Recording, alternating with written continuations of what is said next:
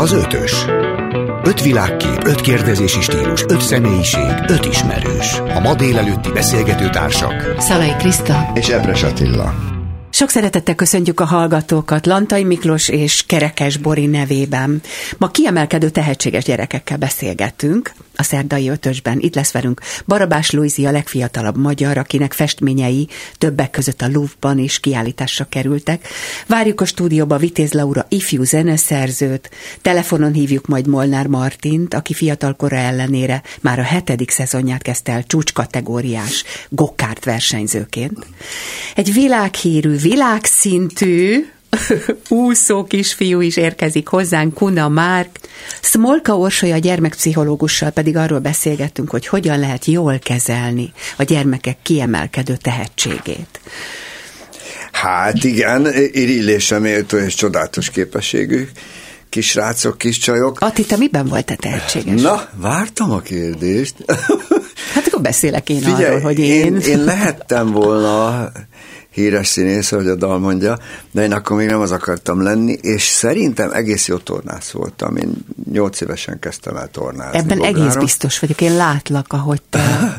én is látom magamat, de ez a pálya, ez hamar derékba tört, mert nem voltam annyira jó, mint a többiek. Úgyhogy mondjuk eljutottam egy területi döntőig, de akkor Borkai Zsolttal versenyeztem például együtt, aki fényévekkel előttünk járt, Aha és még volt nálam kettő-három, akin látszott, hogy jobb képességű. Talán és nem, nem voltam hogy elég hajlékony hozzá. Figyelj, nem, nem, nem, nem, mert annyi, annyiféle dolog érdekel, de tudtam, hogy ez menne. Nem is szeztem rosszul, hát ez mind volna, a tanár úr volt Balaton Bogláron, aki ezekre rávett, és ez nagyon tetszett. De nagyon szerettem volna mindig rendkívül jó zongorista lenni, de egyáltalán nem tudok zongorázni. De nem érdekel. Hogy de akkor miben... ez azt jelenti, hogy híres szerettél volna lenni? Nem, Tehát, hanem hogy leülök, és ömlik belőlem a nóta, vagy a, a muzsika, de ez így nem jött össze. De amihez tényleg volt tehetségem, az végül is összejött hogy... Az mi? Hát, hogy mit tudom én, mondjuk viszonylag tűrhetően mondok verset, vagy tudok beszélni. Az, az korán elkezdett érdekelni, persze. Szerintem jó vitorlázó lettem volna, én hat éves koromtól vitorláztam, ugye ott nőttem föl, volt saját öböl hajókkal, hát nem a milyen volt, hanem a minisztériumé. Édesanyám volt az idővezető, és az, az úgy ment volna, egyébként bármilyen vízisportban elég jó tudtam volna lenni, csak nem érdekelt annyira, mint ezeket a kis őrült srácokat, csajokat, hogy, hogy, hogy életszerűen nyomjam az edzéseket, azt én lehet, hogy nem bírtam volna. Én a monotonitást rosszul tűröm. Mm. És te? Ö, igen, ezen, ezen erősen gondolkoztam. Én, nekem például nem volt ilyen. Én, én nagyon sok mindent csináltam, de én nem voltam kiemelkedő. Ami, ami életemben egy nagyon meghatározó élmény volt, hogy tíz éves koromban írtam egy darabot, uh-huh. és előadtam több száz ember előtt, és, és nem, tehát ott, ott a dologban voltam, ugye, mint színészek, mi nem nézünk ilyenkor ki, tehát ezt akkor már megtapasztaltam, és utóbb jöttem rá, hogy mindenki nevetett, és örjöngött az egész tábor. Tehát tulajdonképpen már az írás képességem akkor megvolt, uh-huh. de valahogy látod, nem híres író lettem, szóval, hogy így, igen, tehát ehhez kell, kell egy támogató közeg, vagy, vagy nem is tudom, vagy olyan hajtóerő, hogy valaki kihozza magából a tuti-tuti-tuti legtöbbet és leg... De hát, én így rendben vagyok ezzel. Na, tök jó. Az egyik része biztos mindig a belső tűz, hogy, hogy egy gyerek azt tudja mondani mindig, hogy igen, megyek edzésre, van kedvem, a másik meg a, a nagy dilemma, hogy mennyi marad a, a saját gyerekkorából. De ha ebben boldog, ugye emlékszel, a múltkor beszéltünk egy artista kisráccal, aki, aki ebben már világbajnok, kilenc labdát pattogtat, és ő azt mondta, hogy imádja, ő azt csinálja, ami a szenvedélye, és azért gyakorol napi nyolc órát, mert ezt szereti a legjobban. Hát meg nyilván majd a pszichológussal fogunk arról beszélgetni, hogy, hogy a szülőknek mi a felelőssége, Igen. vagy mi, az, mi a szülők Igen. élethelyzete, ezt most nem is előlegezném meg, de de tulajdonképpen én már így is sokkal több mindent elértem. Most ez így hülyén hangzik. Nem, Tehát mint a, mint a szüleim. Tehát tulajdonképpen majd, a, majd talán az én generációm kihoz magából, vagy az én gyerekeim generációja majd kihoz magából többet, ha akar. Én ezzel így rendben vagyok. De Ebben ma nagyon... bízunk a folyamatos fejlődésben. Igen, igen, de ma nagyon csodálatos, tehetséges gyerekekkel fogunk beszélgetni. Bizony, bizony. Akik Első szerintem vendégünk- gyerekek is. Első vendégünk, Kuna Márk, édesanyja Szűcs Krisztina, Kuna Karcsi színész kollégánk pedig az édesapja. Márk, te ö, egy olyan sportban vagy benne, amit én úgy tudom, hogy még szeretsz is, ez igaz? Igen, nagyon szeretem. Mert mikor megkérdeztük apukádat, meg anyukádat, hogy és nem sok ez a rengeteg edzés, van kedve menni? És azt mondták, képzeljük el, van. Tehát te szeretsz edzeni is? Persze, nagyon szeretek. Az menő. Főként versenyezni. Tehát akkor nem érzed úgy, hogy az életed megnyomorodott, hanem úgy érzed, hogy ez tök Nem. jó. Pláne, amikor látunk a fotókon, hogy két-három aranyérem van a nyakadban, akkor meg még jobb. Mikor kezdtél el úszni, és versenyszerűen? Hát ö, úszni olyan 2017-ben, 5 éves koromban ö, kb. kezdtem el úszni, ö, és most 2021-ben kezdtem el versenyszerűen ö, úszni. És ez hogy alakul ki, hogy mondjuk te nagyon szerettél a strandon úszni, és akkor hú, papa, vigyél Hát, el úszni, mert én nagyon gyors vagyok, meg Engem már bátor. anyuk, a szüleim ö, már kb. három vagy négy hónaposan elkezdtek ö, vinni a szelídítóba, tehát kb. ott nőttem fel, mert nagyon sokat voltam ott. Hol van ez a szelidító, hogy a hallgatók is tudják? Ö, harta, harta közelében. Aha, aha. És te neked vannak egész korai emlékeid arról, hogy egész kiskorodban úszol a tóban? Vagy sajnos ezt, nem. ezt már azért elfelejti az ember egy idő után, persze. És mikor voltál először edzőbácsinál? Vagy edzőnéninél? Ö, Már oviban? Igen, Oviban már vittek minket úszni. A Bajza utcai általános iskolában van Igen. ott egy uszoda, egy ilyen kisebb uszoda. Igen, ismerem, az én kisfiam is járt minket. oda. Igen. És neked mi a jó, hogyha hajtanak, vagy te hajtod magad? Hát, hogyha igazából mind a kettő nekem jó, mert ö, Tehát ha éppen fáradt vagy, és aha, ma nincs kedvem, volt már ilyen? mm, Ritkán. igen, amikor jól meghajtottak bennünket, például 800 pillangó, meg ilyenek, tehát akkor tényleg kifárad az, kifárad az ember. És utána, ha még hajtanak, akkor az azért jó neked, vagy mondod, hogy ez hagyjanak már most eléggé fárasztó, meg picit Igen. unalmas is. De attól függetlenül szeretem nagyon. Most fölteszek egy fontos kérdést, őszinte választ várok rá. Edző nélkül menne ugyanígy? Nem. Ugye nem? Tehát kell ott nem csak szakember, hanem olyan is kell, aki téged lelkileg, meg érzelmileg, meg mindenhogyan támogat. Igen. Hogy, hogy neked ez jó legyen. Képzeld el, én már lettem 20 valány éves, amikor az egri úszodában becsobbantam, ott nagyon híres vízilabda csapat volt fiatal színész koromban, és gondoltam, hogy úszok egy menő 50 métert. És kiszálltam a medencébe, és kollégám Szatmár Gyuri azt kérdezte, hogy te mit csinálsz? Mondom, gyorsúszás. Ez nem az volt. és kiderült, hogy azt hittem, hogy tudok úszni, de nem tudtam, mert ugye nagyon sokféleképpen lehet úszni. Te látsz olyan embereket a medencében, akiről megállapított, hogy ez nem tud úszni. Hát például ö, egyel, ö, egyel, vagy még egyel lejjebbi csoportban vannak olyanok, akik tényleg csak oda jönnek és csak úsznak, de egyébként te- technikájuk sincsen, meg semmi. Mert az egy, az egy bonyolult technika, mi azt hiszük, hogy nem, de azért az elég bonyolult, nem jól megtanulni Hát úszni. ö, az benne a bonyolult, hogy a kezedet hogyan kell vinni, meg a lábad, hogy rendesen menjen. Igen. Meg, Mennyi idő alatt lehet megtanulni szerinted? hát kettő-három év. Két-három év egy úszás technikát? Hát nem egy, egy úszás technikát, hanem ö, mm, többet. És melyik, melyik a, a legnehezebb úszás? Nem, én szerintem a pillangó. Szerintem is. Ugye, ugye?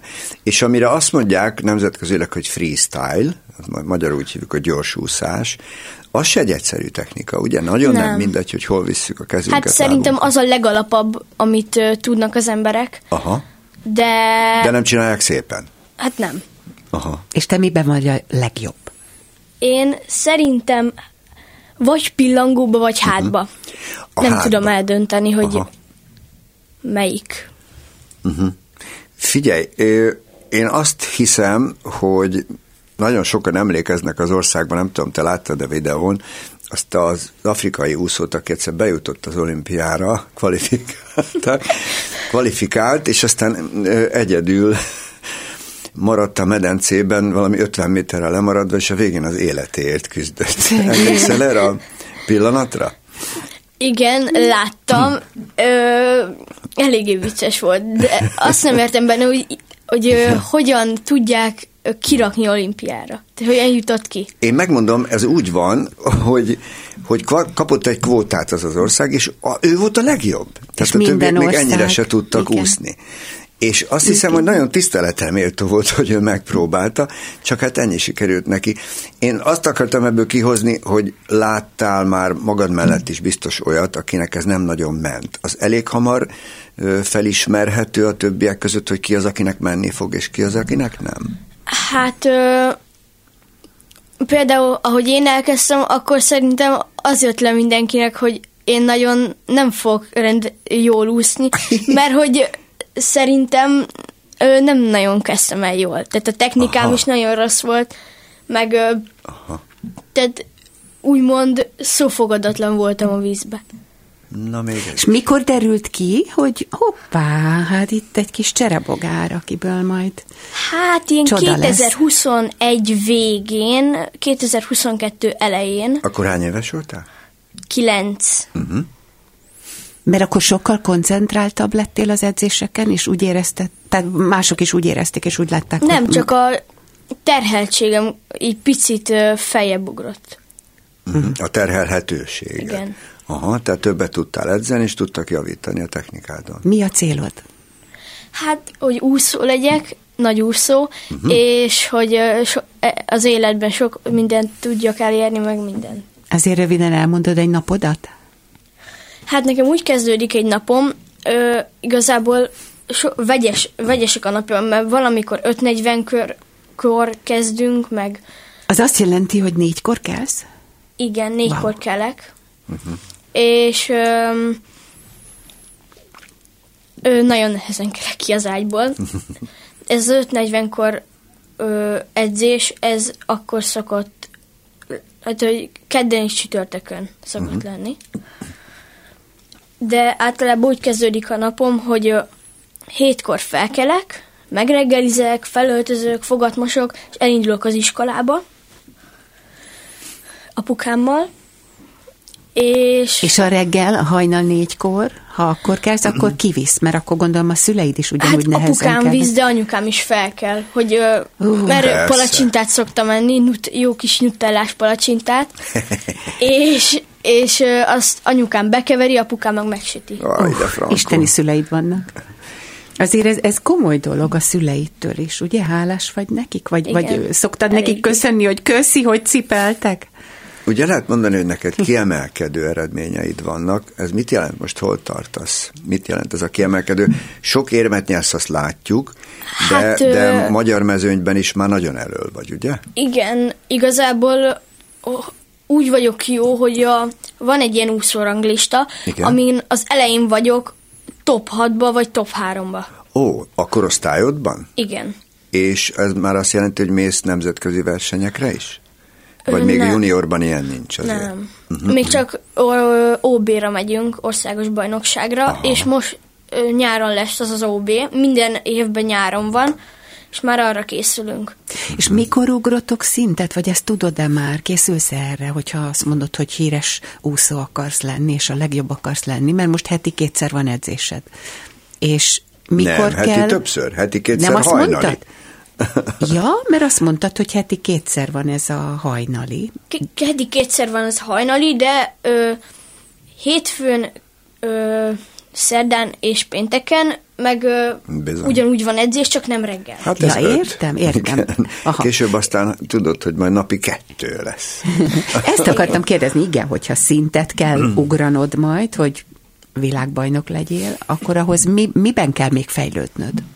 Hát az edzésekben sokkal több munkát kell beleölni, meg ö, igazából sokkal jobban kell odafigyelni, amit az edző mond, mert amikor már eljutok arra a szintre, hogy már nemzetközi versenyekre is eljutok, akkor már az étrendemre is kell figyelni nagyon. De te már most figyeled őket?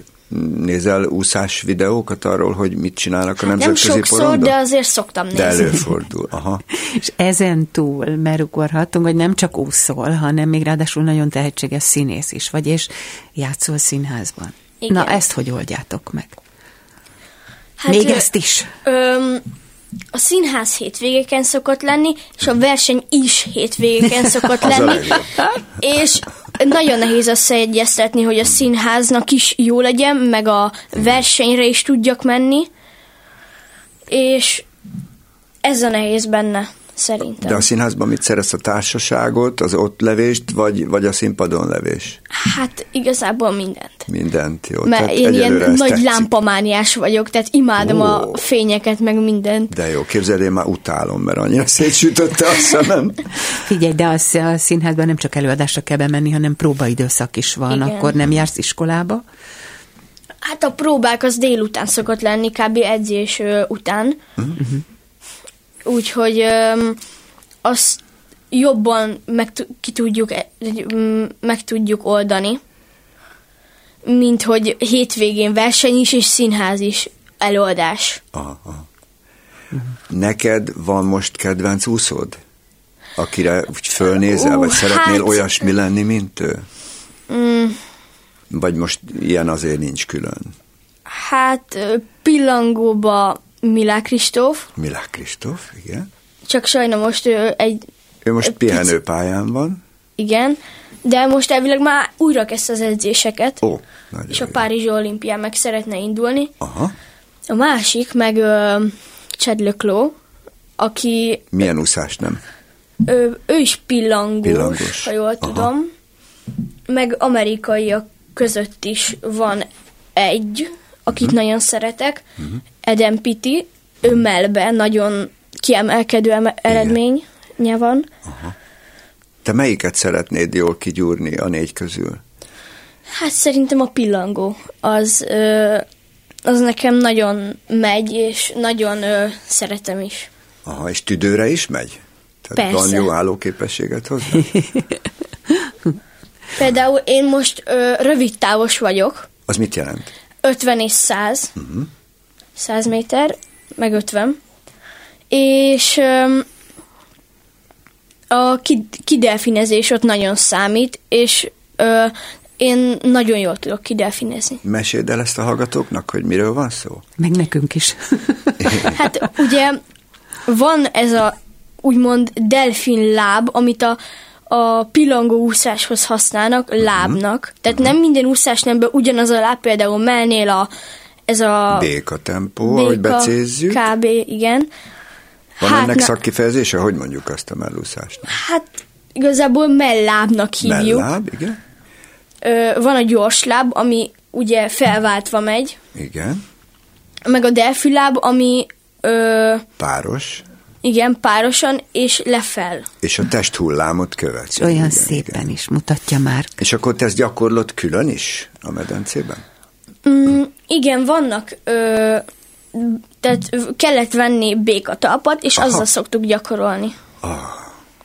És mi a könnyebb, hogyha te egyéni pályán és méri az edződ a, az idődet, vagy ha versenyeztek? Szerintem a versenyezés az sokkal jobb. Az motiváló, hogy valakit le kell hagyni. Igen. Ezt én is szerettem egyébként, mert, tehát nincs ezzel mert baj. hogyha nem húz senki, akkor sokkal nehezebb, mint hogyha valaki húz. Uh-huh. Előre uh-huh. A vízbe. Uh-huh. És az iskolában milyen, amikor bemész? Vagy, vagy ugyanúgy működsz a többiek között, vagy nem irigyes, irigyek esetleg, hogy te még színház is, meg ószol is, Nem. meg annyi mindent csinálsz. Nem szóval jó irigyek. fejek az osztálytársak, meg hát ahogy látom, te is nagyon jó fej vagy. De nincs ezzel konfliktusod akkor. Nem, nincs. Na már csak egy percünk van, azért azt meg kell kérdezni, hogy mit gondolsz, ez most nehéz persze gyerekként elképzelni, hogy felnőttként te igazi úszó maradsz, vagy érdekel azért más is ezen kívül? Hát, vagy orvos, vagy üd- ügyvész Hű, szeretnék lenni. Az igen. Ö, de az úszás az ö, úszáshoz jobban passzolok, vagy nem Igen, tudom. hát hogy... most, most a versenyző vér buzog benne. Igen. Nagyon helyes. Hát nagyon örülünk, hogy ilyen büszkévé teszed a többi magyar srácot, és szurkolunk neked, hogy később aztán majd felnőttben is ilyen klasszul menjen. És nagyon örülünk, hogy megismertünk. Jó, hogy itt voltál Köszönjük velünk. szépen. A men- vendégünk Kuna Márk, úszóbajnok volt. Sziasztok! Szia! Szia! Az ötös.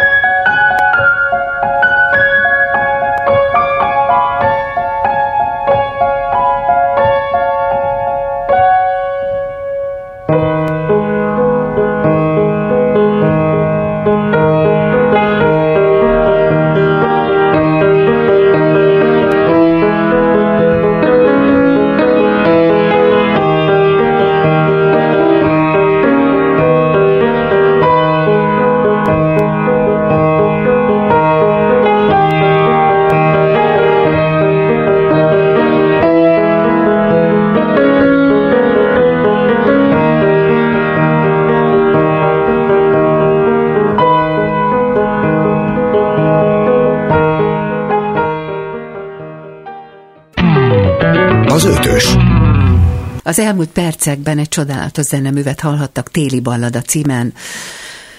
Egy 14 éves Vitéz Laura szerezte ezt a dalt. Laura 14 éve ifjú zeneszerző, aki három éves korától énekel, zongorázik, hat évesen kezdett el komponálni.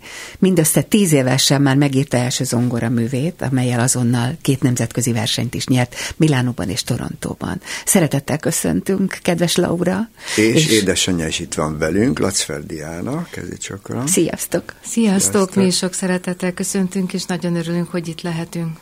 Laura, emlékszel arra az érzésre, amikor legelőször találkoztál egy zongorával?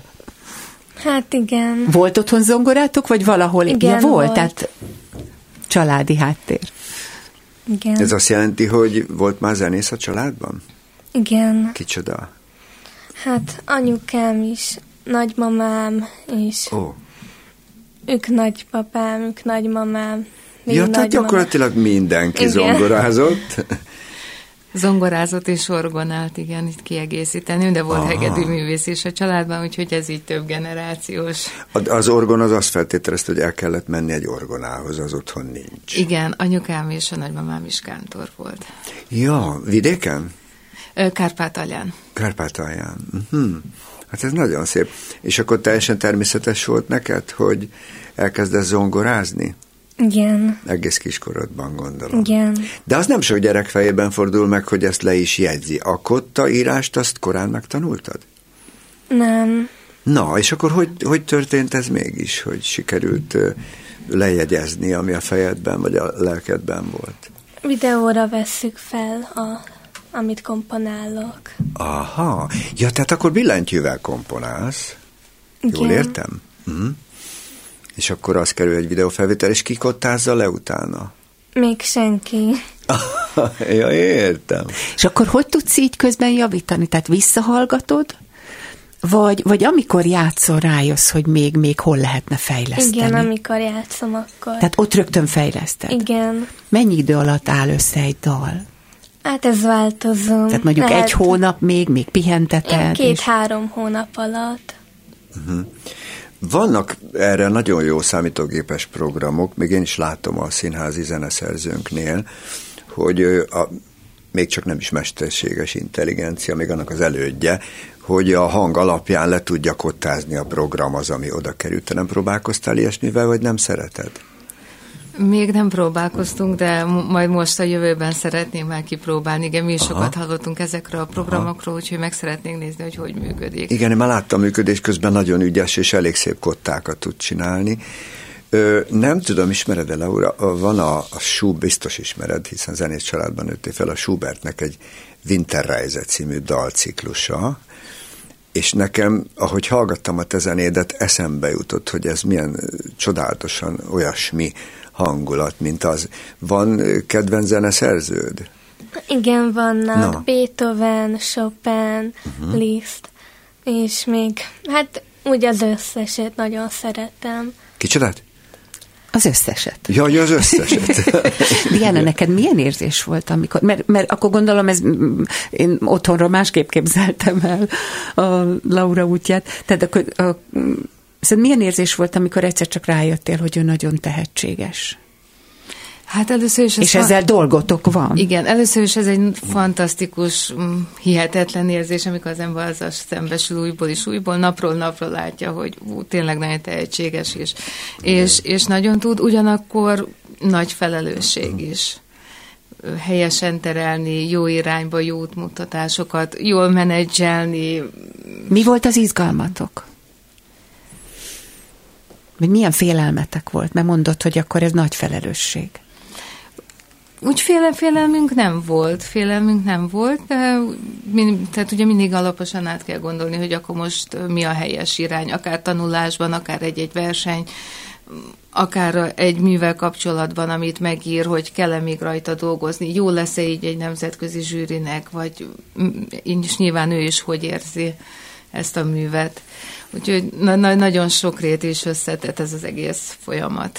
Igen, de nagy, nagyon érdekes, hogy ilyen korán kiderül ez a fajta képesség, vagy ez a fajta adottság a zenével kapcsolatban. Tudjuk, hogy nagy zeneszerzők valóban egész kiskorukban elkezdtek komponálni, koncertet adni, és ez, ez Lauránál is látszott.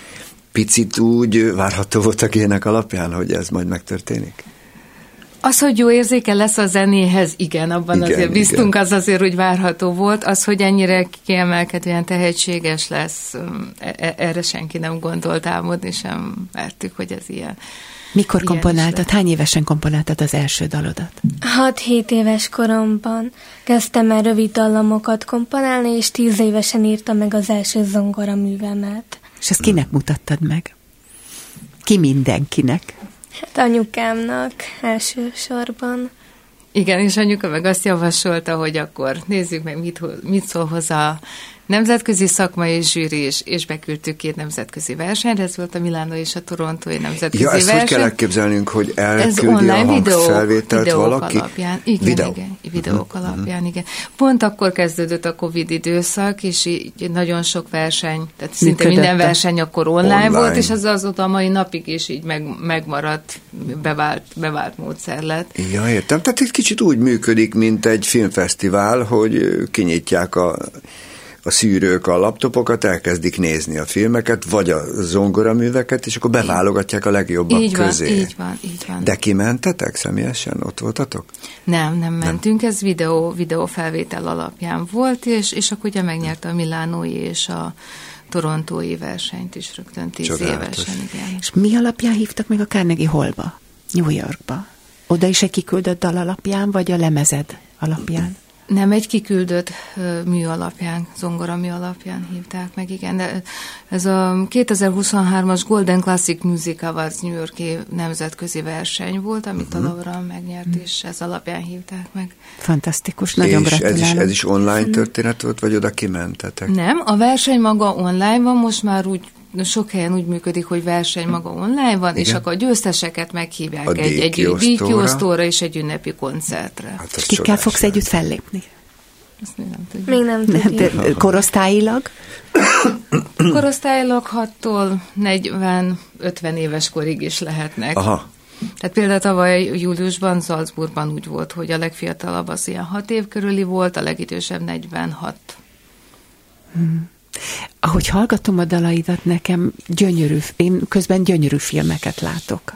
Van ilyen vágyad, hogy te, te filmzenét Igen, a szerez? filmzene irányában képzelem el a jövőmet. Abszolút, abszolút. És remélem, hogy hamarosan filmekben is hallható lesz a zeném.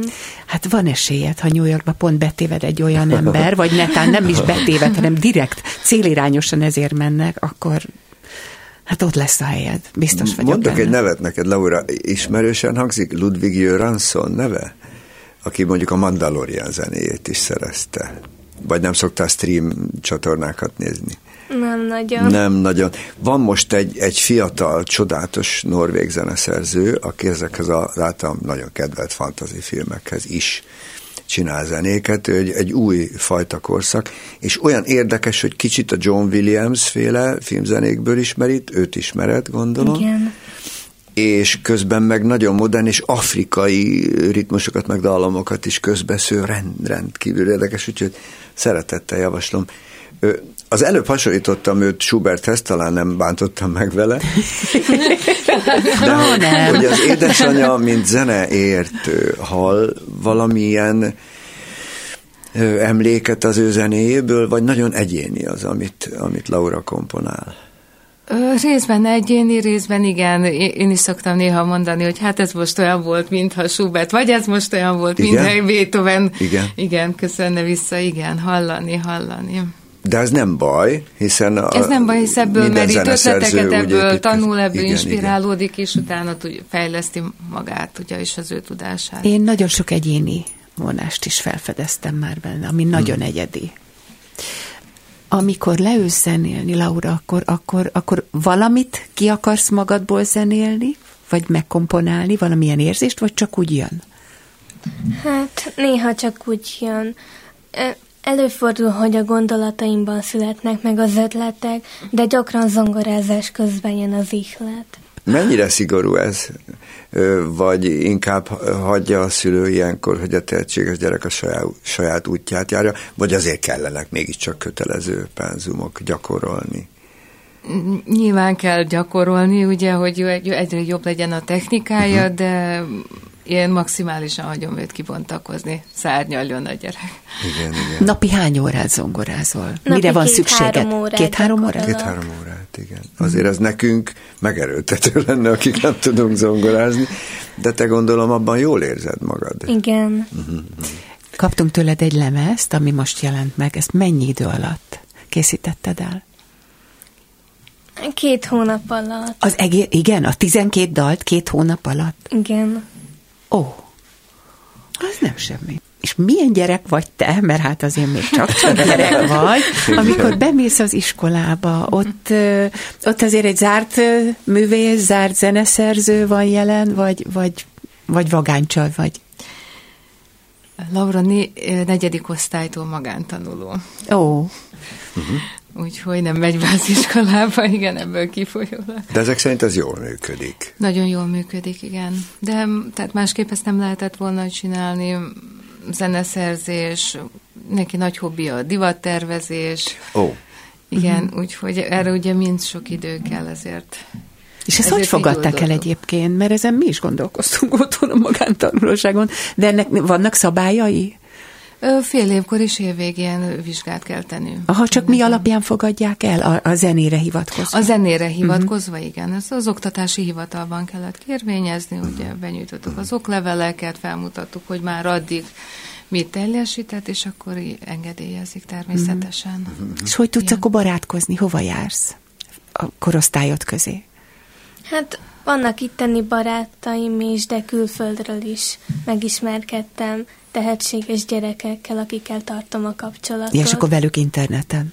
Igen. És az első négy évből nem maradtak barátaid, vagy a lakóterületedről? De maradtak. De nem hiányzik, hogy iskolába járj? Vagy nem akarom én ezt forszírozni, nem hiányzik, oké. Okay. Isten őriz, csak mondom. Ugye a Covid alatt egy kicsit mindenki rájött, hogy azért ennek előnye is van, hogy lehet online érintkezni, hiszen sokkal több és sokkal gyorsabb információ átadás lehetséges, de az azért érdekel ez a divattervezés téma, hogy te azért a felnőtt korodba kicsit beletervezed ezt is. Igen. Hogy ezt nem fogod elengedni. Nem. És így, hogy magántanuló vagy, ez nagyon komoly ö, időbeosztást igényel tőled, mert azért aki így szabad, az annak el szokott folyni a napja. Hogy hogy történik egy napod, vagy hogy osztod be szigorú, mert akkor tudsz szigorú magadhoz lenni, gondolom. Igen.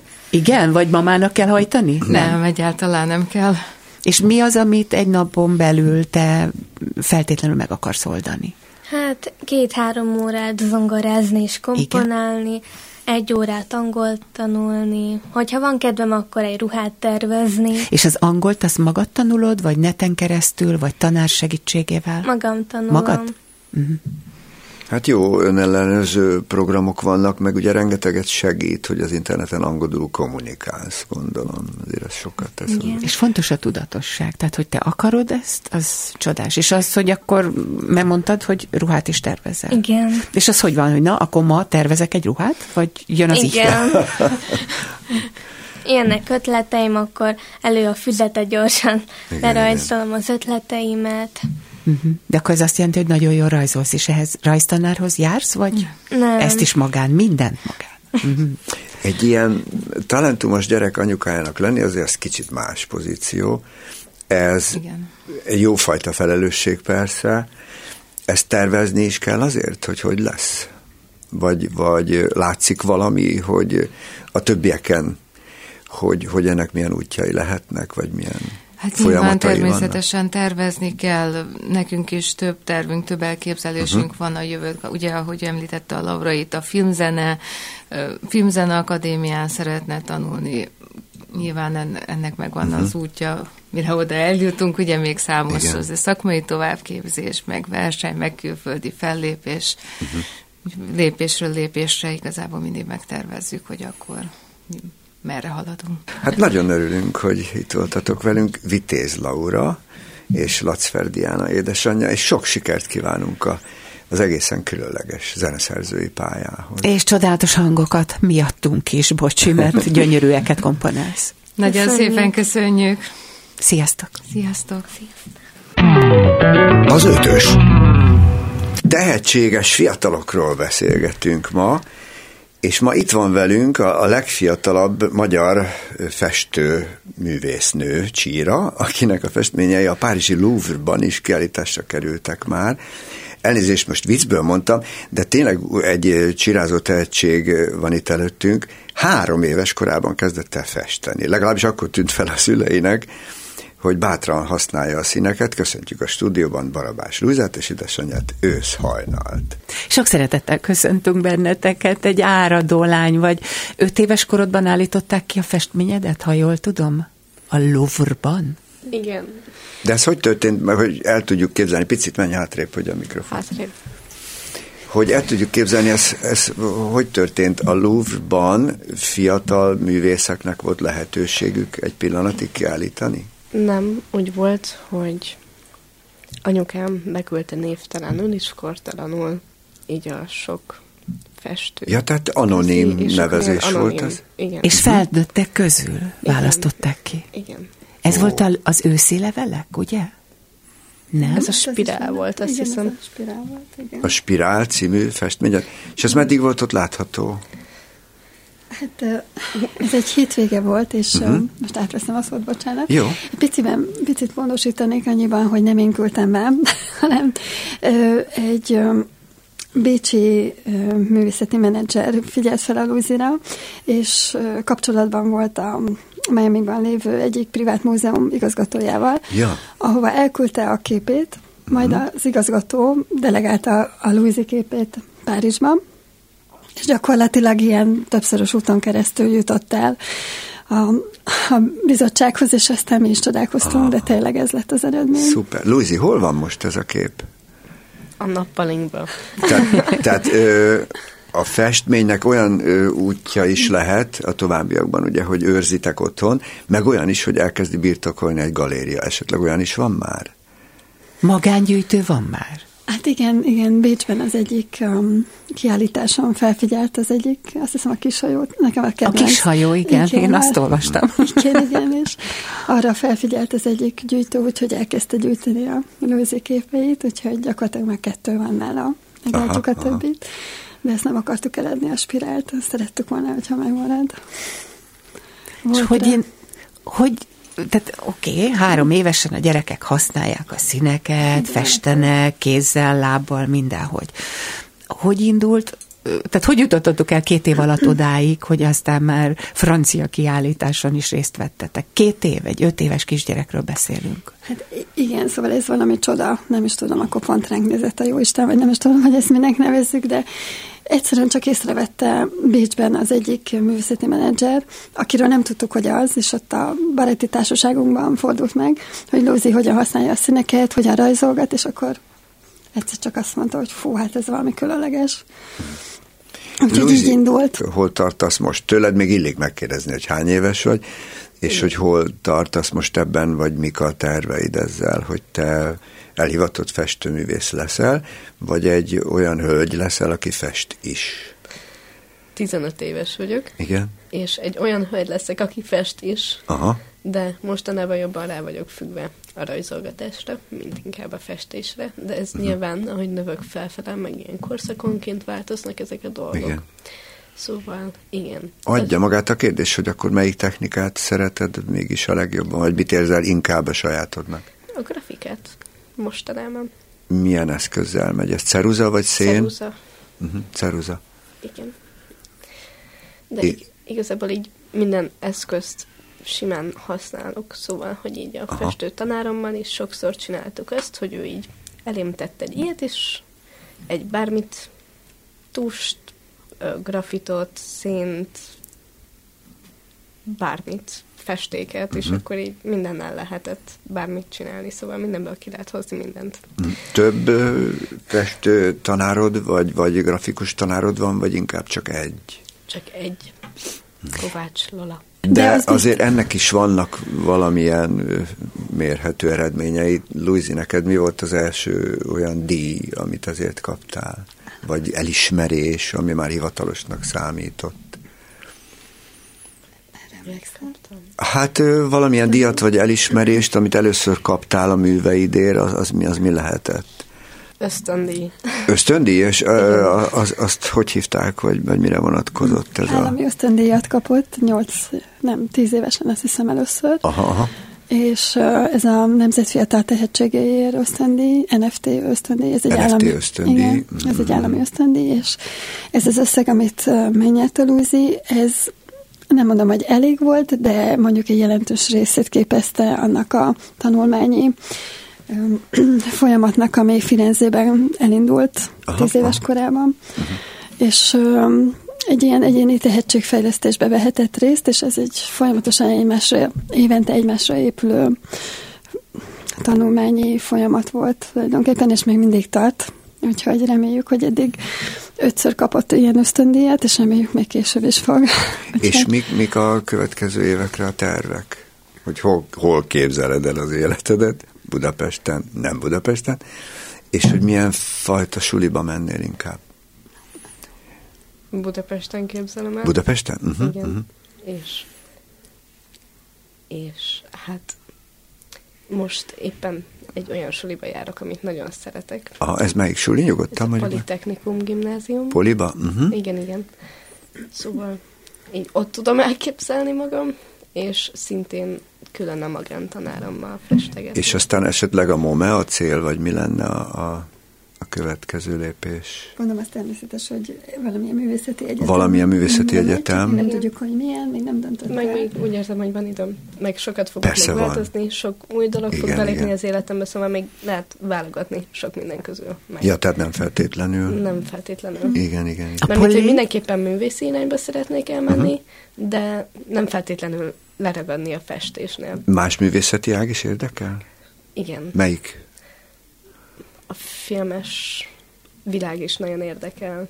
Csak Mi- neki fogsz és rajzolsz, Tehát Igen, egyelőre és ez ilyen festesz. önműködő folyamat. Ez És egy- hogy milyen érzések jönnek ki belőled, azt utóbb tudod meg, vagy közben már tudod? Hát ez egy nagyon jó kérdés, mert ezt mindig felteszik, amikor a bármilyen riport van. Szóval sablon Igen, kérdés. Szóval ez egy sablon erre, kérdés. igen. És ez egy olyan dolog, hogy így nekiülök, kitalálom, hogy mit szeretnék, uh-huh, vagy csak közben jön, uh-huh. és csak szimplán chill. Tehát nem kell ezt túl misztifikálni, egyszer Nem. csak belülről megszületik Igen. valami. Általában közben vagy beszélgetni szoktam valakivel, vagy hogyha nem, akkor zenét hallgatok. Szóval... Igen, igen. Szóval szerencsés vagy. És, és azt, azt meg lehet kérdezni, vagy van róla határozottabb fogalmat, hogy milyen stílusod van? Nincs, mert Nincs. fél évvel ezelőtt is más volt, hogyha Ja, hogy ez alakul. ezelőtt, egy évvel ezelőtt, akkor is más volt. Aha. Szóval, hogy ez így mindig egyfolytában fejlődik ki, uh-huh. meg változik, mert sok új dolog kerül be az életembe, sok új dolog tetszik meg, sok újat próbálok ki. Szóval ez majd később kifejlődik. Ja, rendesen. lehet, hogy szentségtörő a kérdés, de van Igen. kedvenc művészed? Nincs. Nincs, hát persze, hogy szabadabb maradhass. Nyilván. És menedzsered megvan még? A Igen. osztrák, ugye osztrák menedzser. Igen. Ö, és ő, ő iszonyatosan szigorú, és kéri tőled, hogy na, akkor küld a műveket, hogy ő tudjon, nem? Vagy amikor neked kedved van, akkor küldesz bármit is. Igen, ennek a menedzser hölgynek is van saját gyereke, úgyhogy pontosan tudja, hogy nem lehet erőszakolni, meg nem lehet határidőre valamit kérni, vagy elvárni. Úgyhogy igazából, amikor van kiállítás, akkor előtte egy pár hónappal szól, hogy küldjünk be műveket, hogy kiválassza a zsűri, hogy mi az, ami bekerül, mi az, ami nem, vagy egyáltalán van-e olyan, ami bekerülhet. Úgyhogy igazából ennyi. Szóval hála Istennek nincs ez a nagyon kemény elvárás. Nekem nagyon tetszik, hogy Lúzi nem ad határozott válaszokat, mert őrzi a szabadságát ebben, és ezt nagyon csipem. Van egy ö, írtó híres levele többek között a Picasso-nak arról, amikor írnak neki a New Yorki fiatal művészek, hogy védje meg őket. Hát ez régen volt, betiltották ugyanis az általuk tervezett kiállítást. És egy kétoldalas őrjöngést küld vissza a Picasso, hogy dehogy foglak megvédeni benne. Örüljetek, hogy van a seggeteken, azért vagytok, hogy ne értsen benneteket senki, és legyetek boldogok, hogy betiltottak, mert azt jelenti, hogy nem gondolkoztok úgy, mint bárki a világon. Hajrá, tiltsanak be, harcoljatok, le vagytok tolva. Igen, szóval ez, ez a fajta szabadság, ez nagyon fontos, és neked még nem kell kategóriák között lenni. De azt mégis meg kell kérdezni, hogy milyen ezen kívül a, a magánéleted, hogy hogy téged ez bármiben korlátoz, vagy inkább kicsit jobb így, mint egy másik gyereknek, aki éppen nem lett híres a festményeivel, Mivel vagy műveivel. általában ezt nem tudják rólam azok, akik... Ja, azok, nem? Akik, nem. Tehát ez nem olyan a társaságban, hogy hogy jön a művész csaj? Nem. Aha. Szóval, hogy ez egy olyan, hogyha egy kicsit közelebb kerül hozzám, akkor így kiderül, vagy elmondom, Aha. de hogy így én nem így szoktam bemutatkozni egyáltalán. Ezt gondolom, Ez de hát azért csak. Igen, elterjed. szerény. Ez Van nagyszerű, internet. igen. Hát van, de ők nem hiszem, hogy így bárhogyan rám találnának. Én nagyon nem szeretem ezt az Aha. egészet. De azért, ha nekem egy csajomról, akinek éppen tolom a szelet, kiderül, hogy ilyen skillje van, azért az elég menő lenne. Ja, hát a barátom is így van vele. Ugye? De és mit nem szeretsz ebben egyébként? Tehát, hogy ki a közösségből így, így kilógtál, vagy felnéztek rád, vagy megváltoztak a kapcsolataid? Mi az, amit ebben nem szeretsz? Hát én nem érzem magam másnak emiatt, és akkor így miután így van egy pár ember, egy, egy ilyen embertípus, aki miután megtudja, akkor egy kicsit, csak egy icipicit, egy ilyen kis hangyányit így, így megváltozol a szemében, és ez nekem nem tetszik, mert én engem úgy ismertél meg, ahogy vagyok, Addig nem úgy nézett rád? igen, és utána meg, meg már így változik. És ezért szeretek olyan embereket magam köré gyűjteni, akikkel így nagyon jól összemelegedem, és utána így egyszer csak így csak így oda nyögöm, hogy ja, hát amúgy ilyen, e- ez így van. Helyes, helyes, tehát fontosabb az Jó. önazonos személyiséget. Ez tök érdekes, mert a legtöbb zenésznél ez fordítva van. Állatira imádják ezt a fajta különc, Igen. vagy külön levést, és még úgy is öltöznek hozzá, meg úgy is viselkednek. Ö, Milyen képed van magadról, a jövődről? Mert mondtad, hogy ugye most még az nagyon messze van, de hogy mit látsz, ha mondjuk azt mondjuk, hogy húsz év múlva te? Húsz év múlva én. Jó van, tíz, na, legyen jó, a- Jó, tíz. a tíz, jó. Hűha. Ez egy nagyon jó kérdés, mert két évvel előrébb sem látok rendesen, mivel mostanában így egyfolytában fel van pörögve az életem és élmények. Szóval, hogy minden nap egy valami Igen, kisebb igen. élmény, és Igen. mindig változik valami, mindig új emberek jönnek az életemben, mindig kilép egy pár ember, és akkor így és akkor így azt sem tudom megmondani, hogy egy év múlva én hol fogok lenni. Szóval, vagy hogy mit fogok csinálni. De biztos jó dolgom lesz. Csak Ez a válasz. Ez a válasz. Hogy biztos, hogy jó Igen. dolgod lesz. Igen. Szuper. Fölteszek egy Tök jó. hülye kérdést. Igen. Nekem nagyon tetszik, a minap kitalálta valaki, és állatira tetszik, hogy az összes általunk kedvelt popzene évtizedek óta a jó zene kizárólag arról szól, ami nincs, vagy aki nincs ott. Te, te hogy látod, hogy többé-kevésbé a 20. század végi, vagy 21. század elejé művészet, a szintén táplálkozik ebből a, a mélyebb hiányérzetből, vagy most valami új irányok vannak? Hát igazából, amiket látok, hogy most így vannak ezek a nagyon fiatal művészek, mert mint hogy ilyen úgy értem, hogy 15-től 20 van Mhm. uh-huh. meddig, akik így most így a social médián szeretnének Uh-huh. híresebbek lenni, és azok úgy általában mindig ilyen nagyon depresszív dolgokat Aha, osztanak meg. tehát akkor ez hogy még nagyon- divat? Igen, ez most egy divat, és így akarnak ők is így feljebb kapaszkodni. Igen. Divat, vagy bejött. tényleg depressziósak? Lehet, hogy divatból depressziósak, Igen? de ezt nem tudhatjuk meg. Aha. Hát nagyon örülök, hogy itt voltatok velünk, és annak is örülök, hogy nem voltál hajlandó a standard kérdésekre válaszolni. Neked van ebben igazad, és hajrá! Köszönjük szépen Barabás Louisinnak. Nagyon köszönjük. És édesanyjának őszhajnalnak. Köszönjük. Sziasztok! Az ötös. Öt világkép, öt kérdezési stílus, öt személyiség, öt ismerős. A ma délelőtti beszélgető társak. Szalai Kriszta. És Ebres Attila. Ma kiemelkedő tehetséges gyerekekkel beszélgetünk a szerdai ötösben. Telefonon van velünk Molnár Martin, csúcskategóriás gokárt versenyző, aki azért nem tudott hozzánk eljönni, mert most éppen ismét külföldön van. Sőt, a gokártból is csak miattunk szállt ki. Most igaz? Ott vagy a pályán, Martin? Igen, üdvözlöm a kedves hallgatókat, Molnár Martin vagyok. Uh, igen, most éppen itt pályán. Ez most melyik pálya? pont egy uh, menetről. Melyik pálya ez a világ, melyik részén vagy éppen? Uh, épp Olaszországban vagyok Cremónában, Uh-huh. aztán uh, most itt edzünk. És mikor lesz a versenyed, amire most edzel? Ez uh, felkészülés a idei Forma 4-es uh, bajnokságra. Uh, nagyon jó fizikai edzés ez a kategória, amit, amivel éppen most megyek. A váltós, aztán uh, éppen most a Forma 4 szezonra készül a, A fo- készülünk fel. A Formula Tényleg 4 ez az jó. még gokárd sport, csak hogy a hallgatók is értsék.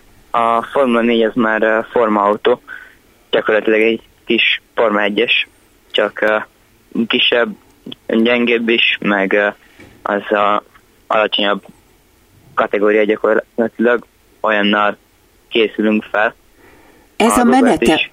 Bocsánat, ez, a, ez, a, ez az útja, ugye, az autóversenyzéshez? Tehát ez a következő stáció. uh, igen, a gokarttal kezdünk, az uh, nagyon jól felkészít, majd elkészíti a felkészítést, és uh, utána lépkedünk feljebb, vannak nagyobb kategóriák, már egyre gyorsabbak, nehezebbek, egyre több mindenre kell odafigyelni, egyre uh, több dolog befolyásolja a tempót, vagy a versenyezni is teljesen más velük, és akkor uh, utána jönnek a formautók, hogyha formautós pályára uh-huh. térsz, és uh, ott a Forma 4 kezdőszint, aztán utána uh, lépkedsz fel a Forma, Formula Regionalba, Uh-huh. utána a Forma 3-ba, Forma 2-be, és utána van a Forma 1. Igen, tehát ha jól értem téged, ez az aszfalt versenyzés izgat, és ha jól emlékszem, először a Könyves Kálmán úti pincében találkoztam veled a gokárt pályán, akkor hány éves voltál? Fú, Hát, Hát ilyen, ilyen 5-6 éves korodban kezdtette ezt, úgy emlékszem. um, versenyzés, azt 8 és fél éves koromban 8 kezdtem évesen el. már versenyeztél, igen. 8 és fél évesen már igen versenyeztem, és uh, akkor a- a- azóta csinálom, úgy uh, profi szinten, és uh, igen, olyan uh, 12 éves koromban kiköltöztem Olaszországba, aztán uh-huh. két évet itt kint is éltem, itt nagyon sok verseny van, meg nagyon nagy bajnokságok, és akkor uh, itt nagyon sokat lehet fejlődni, úgyhogy uh, így döntöttünk, hogy um, Családilag mentetek ki? Akkor... Az egész családot kiköltözött? Nem, én jöttem ki egyedül, és uh, a, van egy olasz kócsom, és uh, oh. nála, náluk laktam, és uh, úgy voltam kint. Hát ez fantasztikus. Figyelj, Martin, te már 16 éves vagy, tudsz erről beszélni, vagy rálátsz erre a helyzetre, hogy ha egy kisfiú azt mondja, hogy jó, akkor én autóversenyző szeretnék lenni, azért ez nem olyan egyszerű egy szülőnek. Jó, elkezdik gokártnál, de hát gokárt sincs mindenhol. Tehát ez a szüleitől elképesztő szervezést és, és önfeláldozást igényelt. Igen, meg főleg az, hogy ennyit távol, gondolom ez a egyik legnehezebb egy évben több mint 20 verseny hétvége van, az több mint 20 hétvégét nem vagyok otthon, és um, és az elején, az elején hogy jönnek ki. Aha, de az elején hogy indult, hogy akkor a szüleidnek igen el kellett kezdeni valahol gokártpályát keresni, oda hányszor mentetek ki, hogy kezdtél el fejlődni, hogy derült ki, hogy te tényleg nagyon tehetséges vagy? Hát gokártpályát van sok helyen. Igen. Um, az, hogy versenygokárc, ahol tudsz menni, az kicsit kevesebb helyen, de én is úgy kezdtem, hogy először van a bérokart, ami nagyon sok helyen megtalálható. Aztán először abba ültem bele, hogy tetszik-e, meg milyen, aztán utána jött egy ilyen nyilván nagyon tetszett, és nem lehetett belőle kihúzni, úgyhogy uh, utána megléptük ezt, hogy beültünk versenygokárba, aztán nyilván az is nagyon tetszett, és onnan se bírtam kiszállni, és uh, uh, utána lépkedtünk ugye fel, és most itt vagyok a Forma 4-nek a Elképesztő. A versenygokárdot azt már ti is építettétek, vagy gyári gokártokkal mentél? Azokat lehet um, venni, uh-huh. és uh, igen, az is sokféle van nagyon, meg uh, a motorgyártó is nagyon sokféle van velem, mert általában úgy van, hogy a magát a vázot, meg a motort azt külön adják, uh-huh. és uh, ment külön lehet venni, és uh, hogyha kiválasztod, hogy milyen vázzal szeretném menni, és beszél egy vázat, akkor még utána jön az, hogy milyen motor, mert van nagyon sok kategória is, meg uh, nagyon sok bajnokság, ami különböző motorokat használ, és uh, igen, így Ezt azért is kérdeztem, mert a hallgatók nem biztos, hogy tudják, de mire 16 éves lesz egy versenyző tanonc, addigra komoly technikai ismeretei vannak. Így van ez, ugye?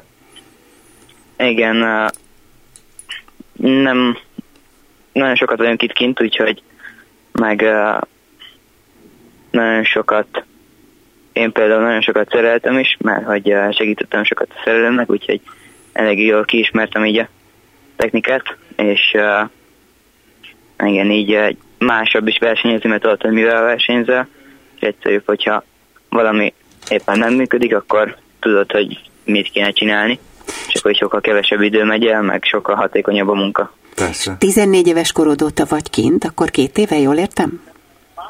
12 mm, éves korom óta. 12? Tényleg? Igen? És akkor az iskolával mi van? Hogy oldottad meg? Azt hittem, hogy csak a középiskolát ugrottad akkor. Um, az iskolát nem, hogy oldod meg? magántanuló is. Igen? Uh, magántanuló voltam egy ideig, aztán uh, most is hát olyasmi, csak uh, most uh, meg tudtuk úgy oldani, hogy írok több dolgozatokat, meg ilyeneket, aztán bejárok amennyit csak tudok, és akkor így pont sikerül összeszednem az a azokat a jegyeket, meg óraszámokat. De akkor magyar iskolát végzel, vagy esetleg ott beír, vagy... Igen, te... magyar iskolát. Aha, és ott nem akarsz beiratkozni Olaszországba, ha már ott vagy? Hát, most uh, vagyok azért annyit otthon, hogy meg tudjam így oldani, meg uh, uh, nyelvismeretem jó lenne ahhoz, szóval beszélek angolul is, meg olaszul is, úgyhogy uh, uh. nyelvi nehézségek nem lennének itt az iskolával se, de megoldjuk így magyar iskolával is. Figyelj, adódik a kérdés egy ilyen technikai sportnál, hogy ugye tudjuk például Ayrton Sennáról, hogy többek közt azért volt sikeres, mert hajnali kettőig bent volt a szerelőkkel, és együtt fejlesztették mondjuk a Ferrari F430-ast.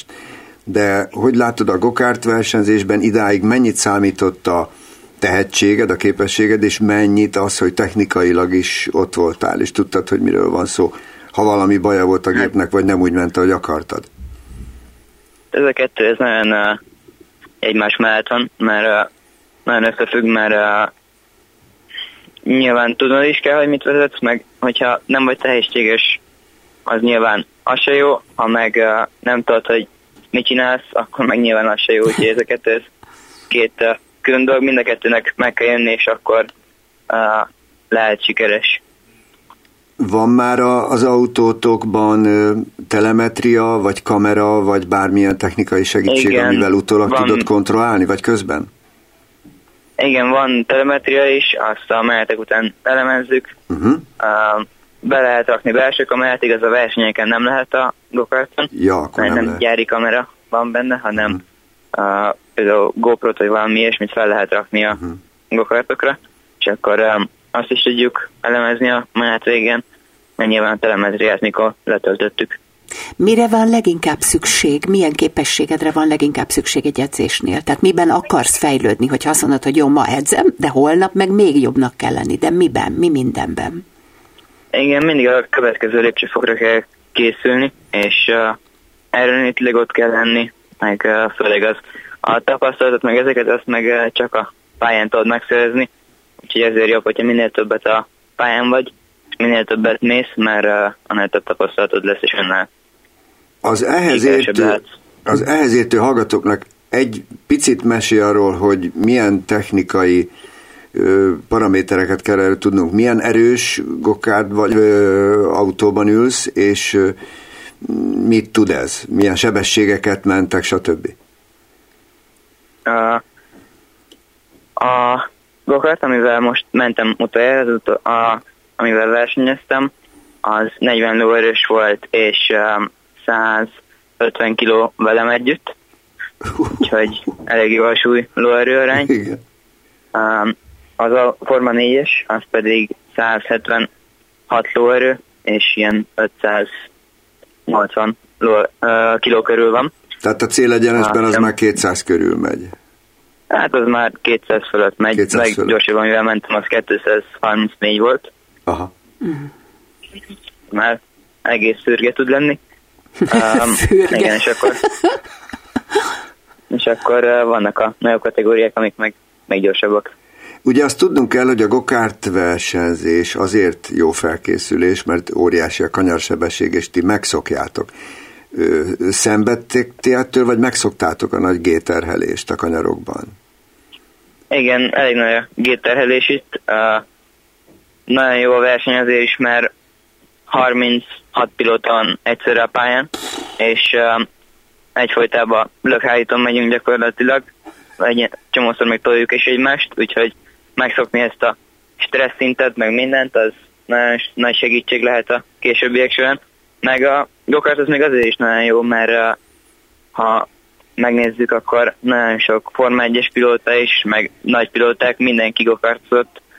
Louis Hamilton, Charles Leclerc, Alexander Albon, az Albon az még a tavalyi év elején még mindig visszaült gokartban, mert edzeni nagyon jó, és um, akkor pont az, ahhoz a csapathoz jött vissza, akinél én mentem, és uh, én is pont az voltam, sőt még szereltem is neki. Mm.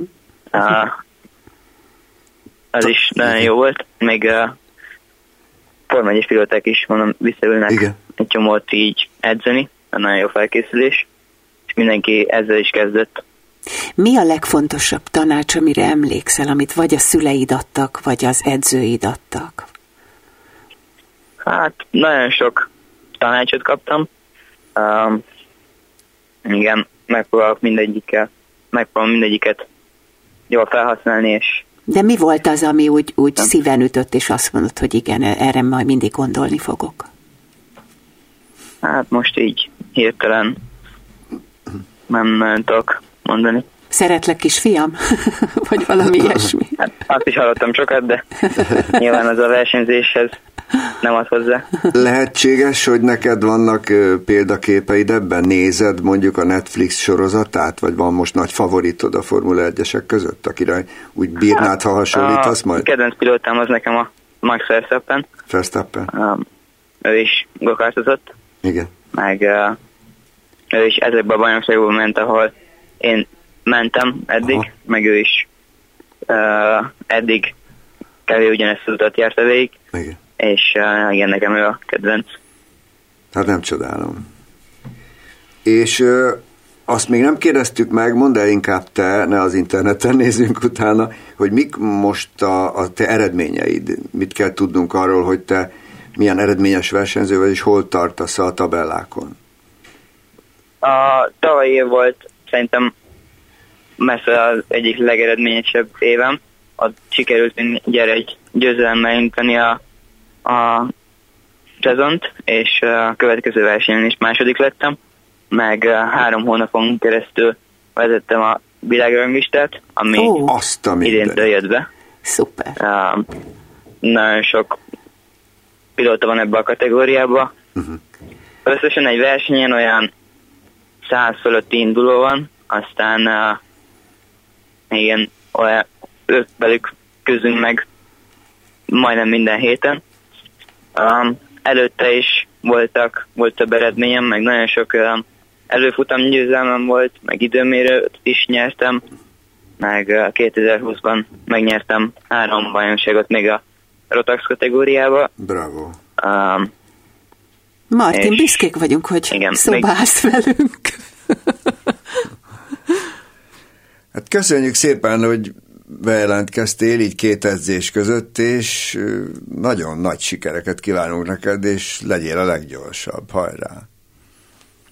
Köszönjük, Martin, drukkolunk neked. Molnár, Molnár Martint Martin. hallották, csúcs kategóriás gokárt versenyzőt. Az ötös. Itt az ötösben ma tehetséges gyerekekről, és természetesen az ő szüleikről beszélgetünk, vagy éppen velük, akik bejönnek a stúdióba. Mindannyian tudjuk, hogy ez egy olyan kivételezett állapot, amikor valakinek föltámad a talentuma, és ezt észre is veszik, ami nem minden esetben könnyű. Tehát ez lehet egy jó teher is, meg lehet olyan nehézség is, amit egy picit át kell lépni, vagy meg kell oldani. Smolka Orsi van velünk, szervusz, Szia! pszichológus, akit erről kérdezünk, a különleges tehetségű gyerekekről, és, és ennek az állapotnak a különleges körülményeiről. Ez a sok egyértelmű jón kívül, mik azok a, a csapdák, amiket ki kell kerülni egy tehetséges gyereknek, vagy éppen a szüleinek, akik valószínűleg menedzserek is ebben a témában. Vagy akadályok. Nyilván attól, attól függ, hogy szeretik-e ezt a tehetséget, vagy inkább teherként élik meg. Adott esetben szerintem ez egy így részre szokott hajlani a két szülő között. Tehát, hogy az egyik szülő abszolút azt látja, hogy ez egy fantasztikus áldás, a másik meg, hogy jaj, te jó ég, akkor el kell vinni ide a gyermeket, mennyi pénz lesz ez, mert hogy nyilván van ennek egy anyagi vonzata, hiszen ezt a tehetséget ápolni kell, csiszolni kell. Nem az van, hogy oké, okay, van egy tehetséges gyerekünk, és akkor innentől kezdve ki van kövezve az út a- az aranyéremig, vagy a szereplésekig, és, és ez nyilván minden szempontból meg tudja terhelni a, a szülőket, és ez nyilván rengeteg időt is, és figyelmet is igényel a szülők részéről, hiszen mind a munka után, mind a munka mellett nem csak a különböző mm, próbákra, vagy éppen az edzésekre kell elvinni a gyermeket, hanem ugyanúgy a versenyekre, ahol megmérettetheti magát, és, és ez borzasztó sok idő.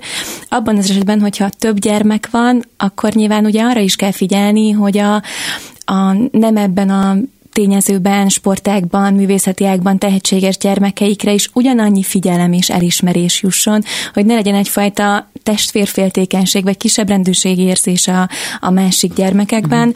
Minden mellett azt gondolom, hogy osztályszinten is érdemes erre odafigyelni, mint a pedagógusoknak, mint az osztályoknak, hiszen nyilván egy, egy különlegesen tehetséges gyermek gyakorta fog hiányozni ezen elfoglaltságok kapcsán, ami egyes gyerekeknek biztos, hogy nehezményezésre fog kerülni, hiszen ő vele miért van kivételezve, ő vele miért történik ez, neki miért lehet később megírni azt a dolgozatot, meg hát aki a figyelem középpontjában van, az nyilván a kritika középpontjában is kerül.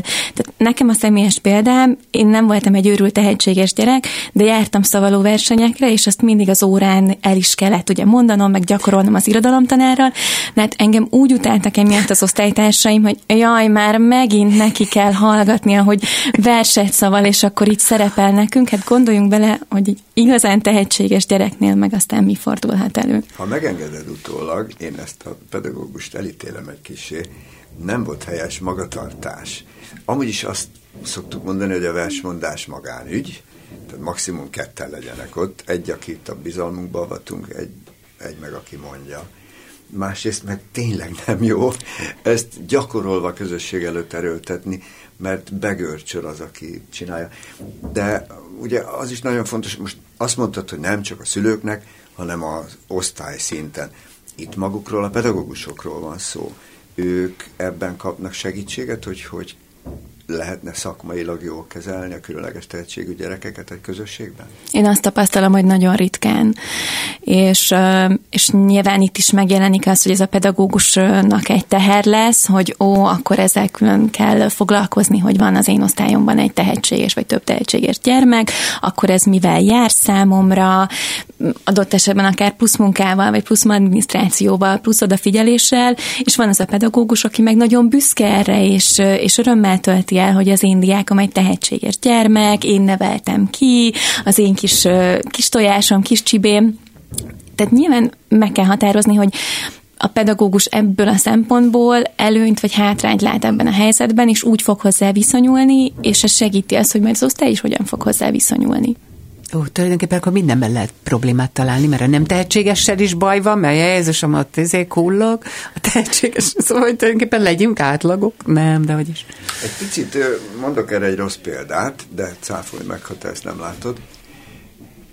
Van olyan elragadtatott tanár, szaktanár, nem akarok se, se, semmilyen szakágat megnevezni, hogy megsértődjenek, aki látja, hogy az ő szaktárgyában egy osztályban van két-három nagyon tehetséges gyerek. Mit fog csinálni? Tiszta erőből tolja, hogy a tanulmányi verseny majd ők nyerjék meg. És az egész osztály egyes meg kettes dolgozatot ír, csak az a két-három gyerek nem, akik különösen Igen, vágják a tantárgyat, és megnyomorodik bele egy egész közösség. Létezik ez? Abszolút, tehát hogy azt gondolom, hogy nem, nem elrugaszkodott a valóságtól ez, amit mondasz, sőt a leghihetetlenebb történetek is megtörténhetnek.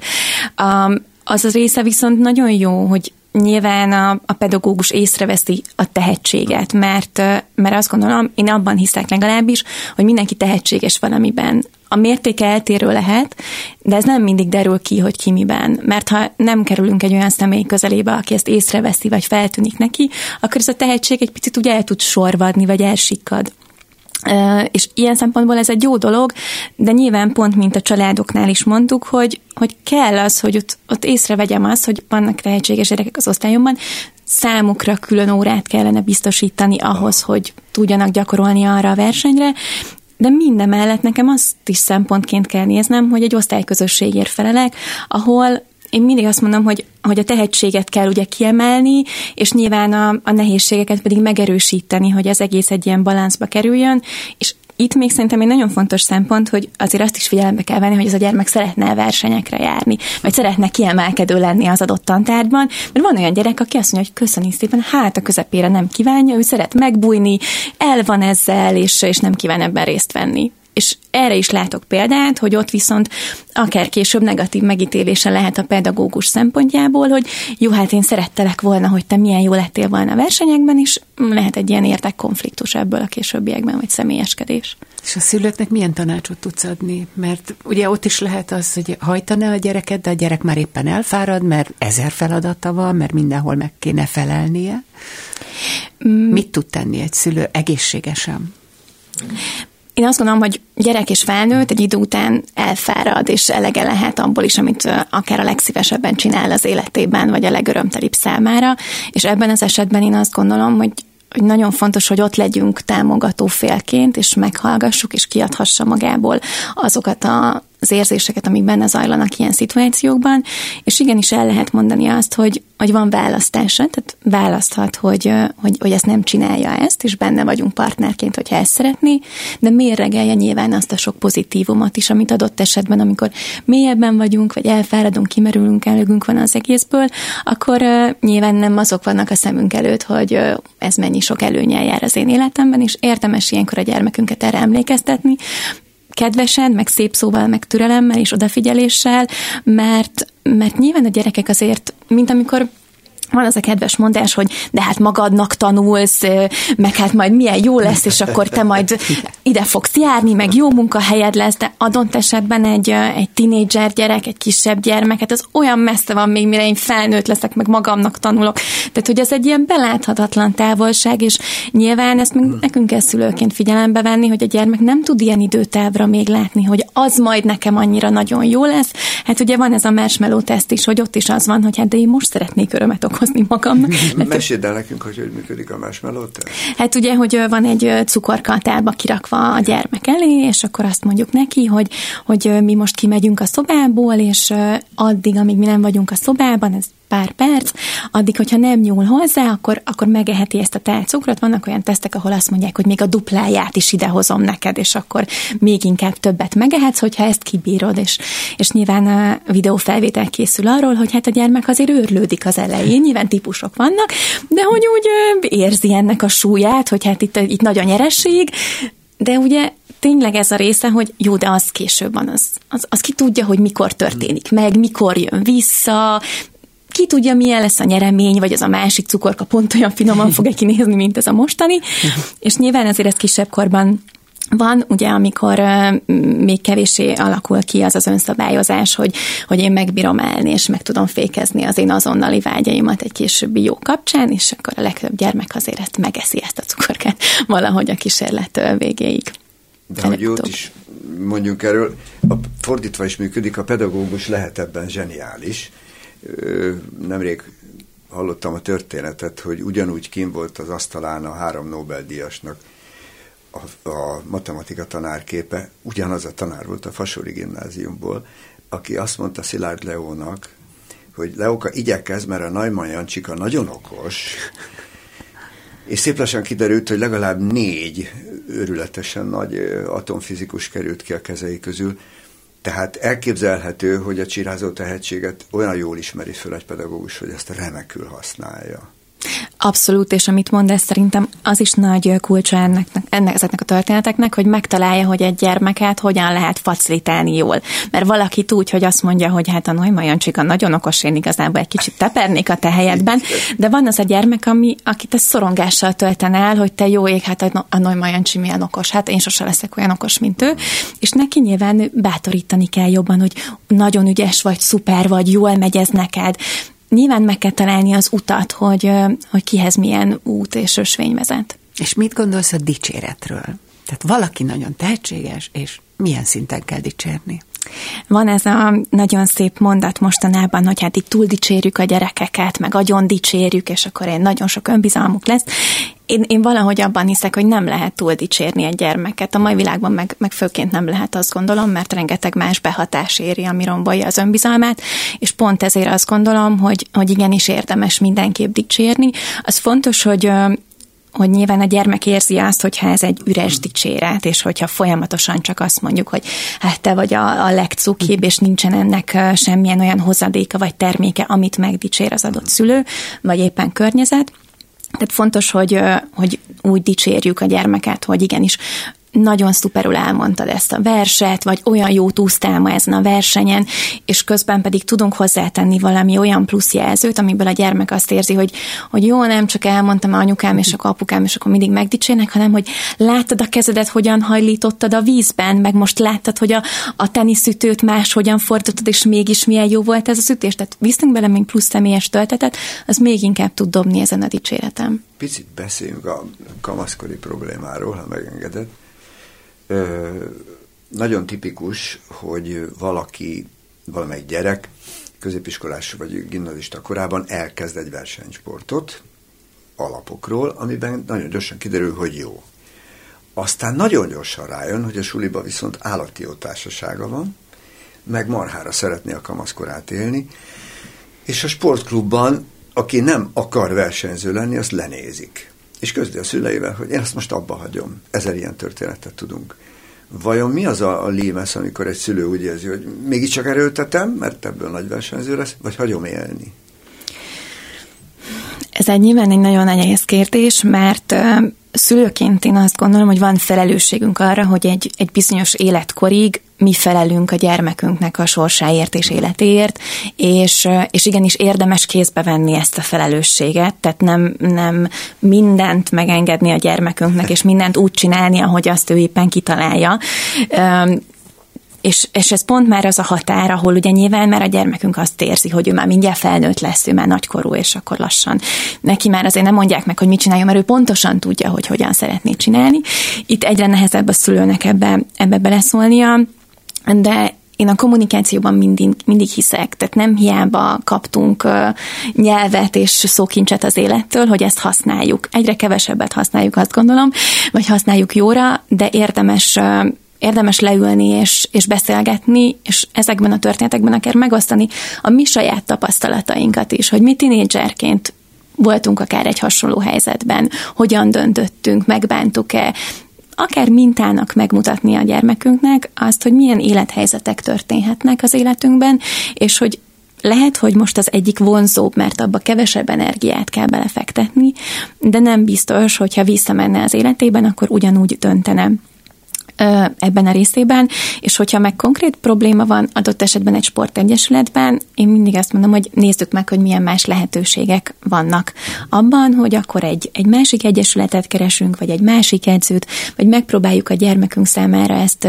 komfortossá tenni, hogy ne azt érezze, hogy valamiről le kell mondania teljes mértékben. Nyilván lemondásokkal jár egy tehetséges gyermek élete, egy nem tehetségesé is tud az lemondásokkal járni nyilván, de, de hogy ne érezze azt, hogy valamiből ő kimarad, vagy valami kimarad az ő életéből azáltal, hogy ő, ő választott magának egy, egy olyan tehetséget, vagy kapott egy olyan tehetséget, amiben ő kiemelkedik.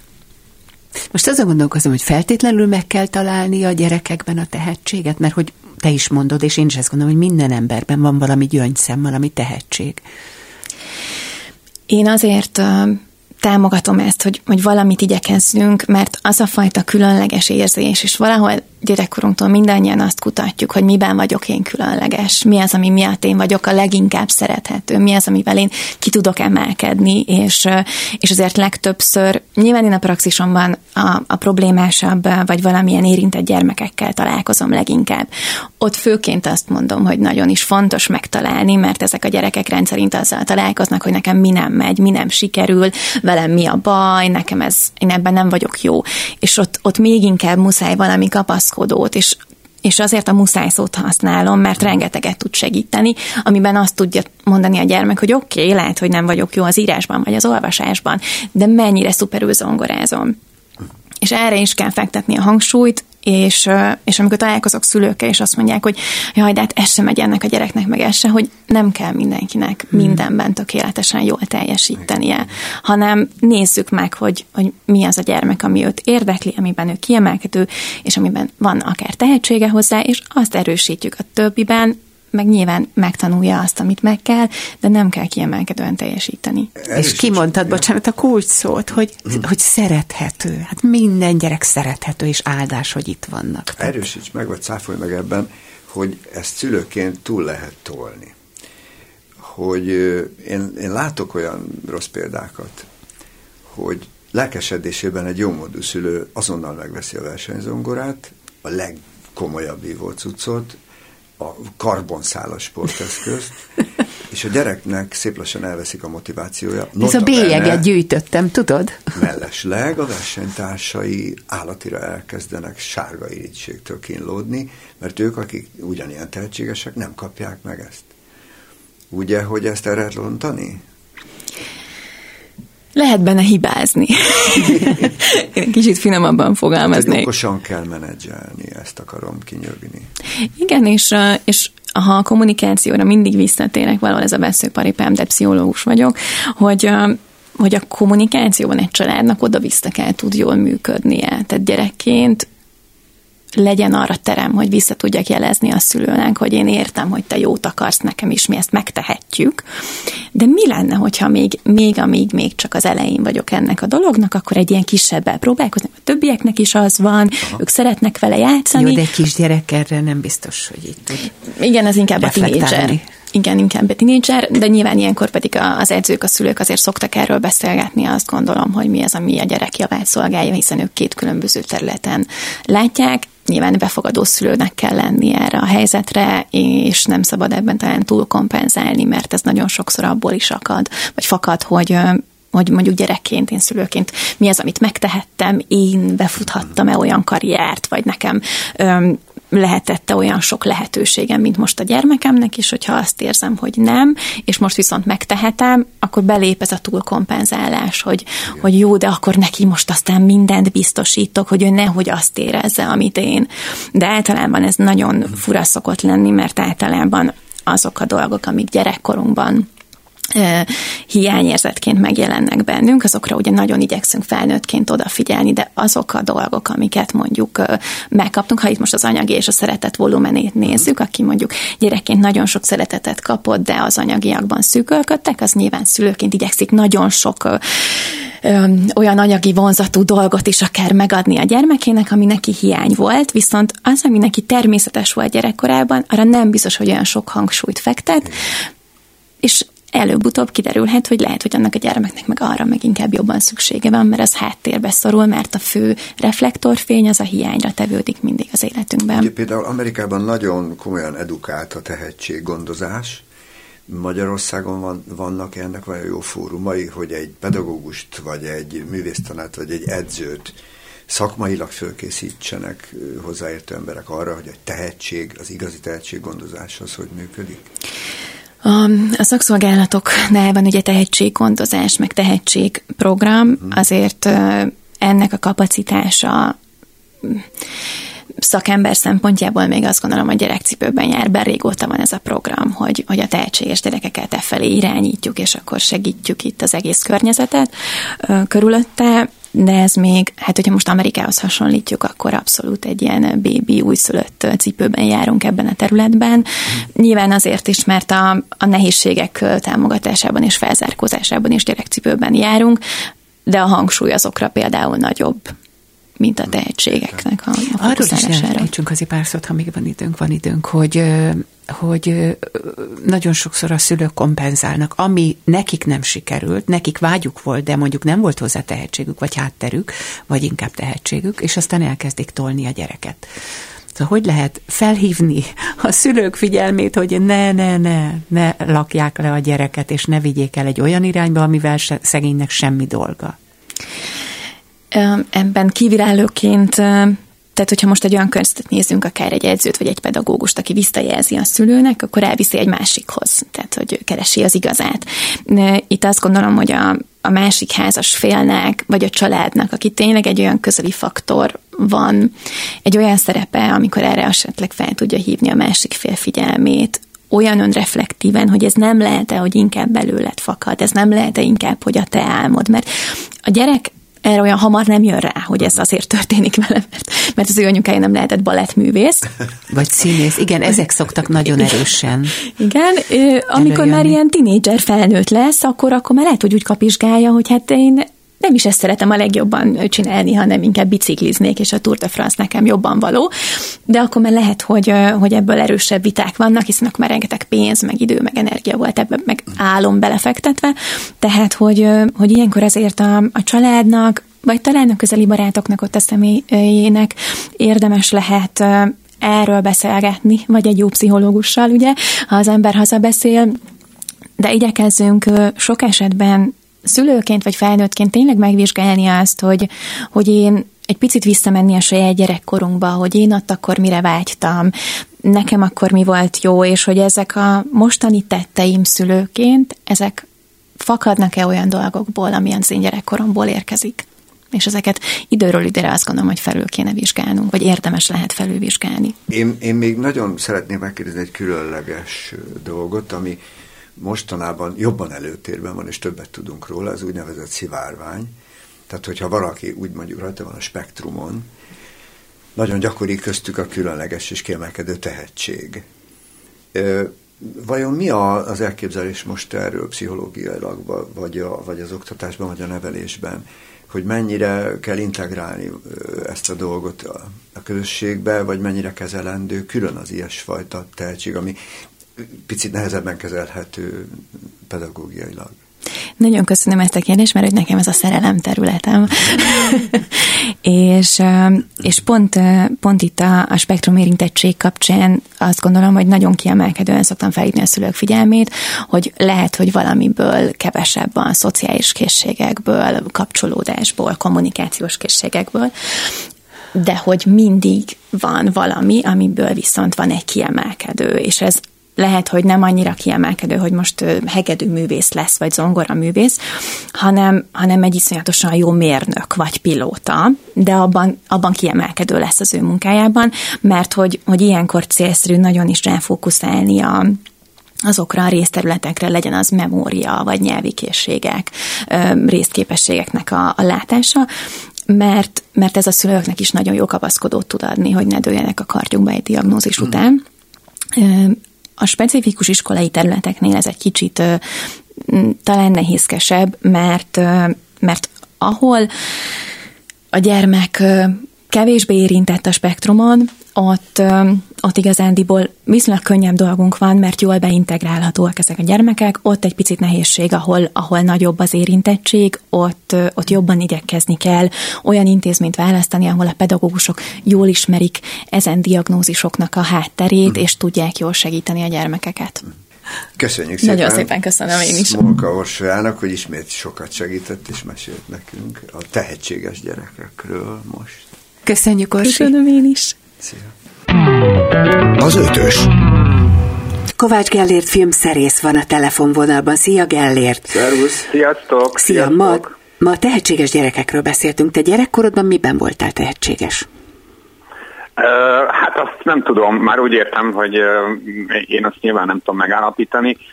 Azt tudom -e, megmondani, hogy mi az, ami gyerekkoromban érdekelt, és tulajdonképpen ugyanaz, ami most. Tehát, de komolyan, tehát ilyen pár évesen már a rádió és tévé újságokkal jártam be a mellékhelyiségbe, és a családi legendáriumok szerint már akkor is tudtam a tévéműsort, amikor meg nem is tudtam olvasni.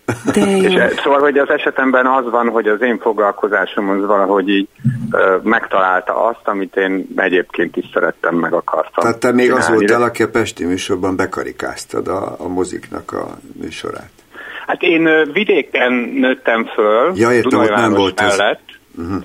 és ö, arra emlékszem, hogy amikor ment a képújság, abban volt uh, moziműsor, fővárosi Igen, moziműsor tényleg. is. Igen. És azt ilyen uh, megdelejezve olvastam, hogy a budapesti mozikban uh, mik mennek. Uh, hmm. Pesti műsorral uh, akkor találkoztam először meg ezekkel a programajánló magazinokkal, amikor a 2000-es évek elején felköltöztem Budapestre.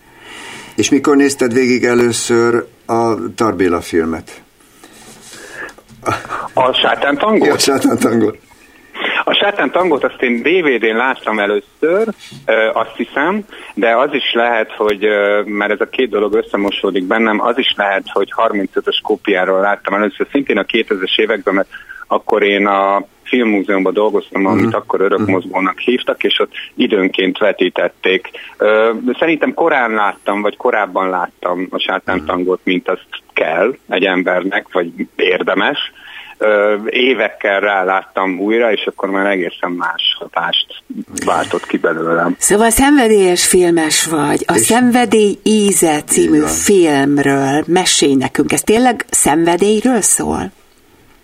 Hát ez a film volt az idei Cannes Filmfesztiválnak az egyik nagy szenzációja, igazából pont azért, mert hogy tulajdonképpen itt a 136 percből olyan jó, hát szerintem olyan 80-90 perc főznek.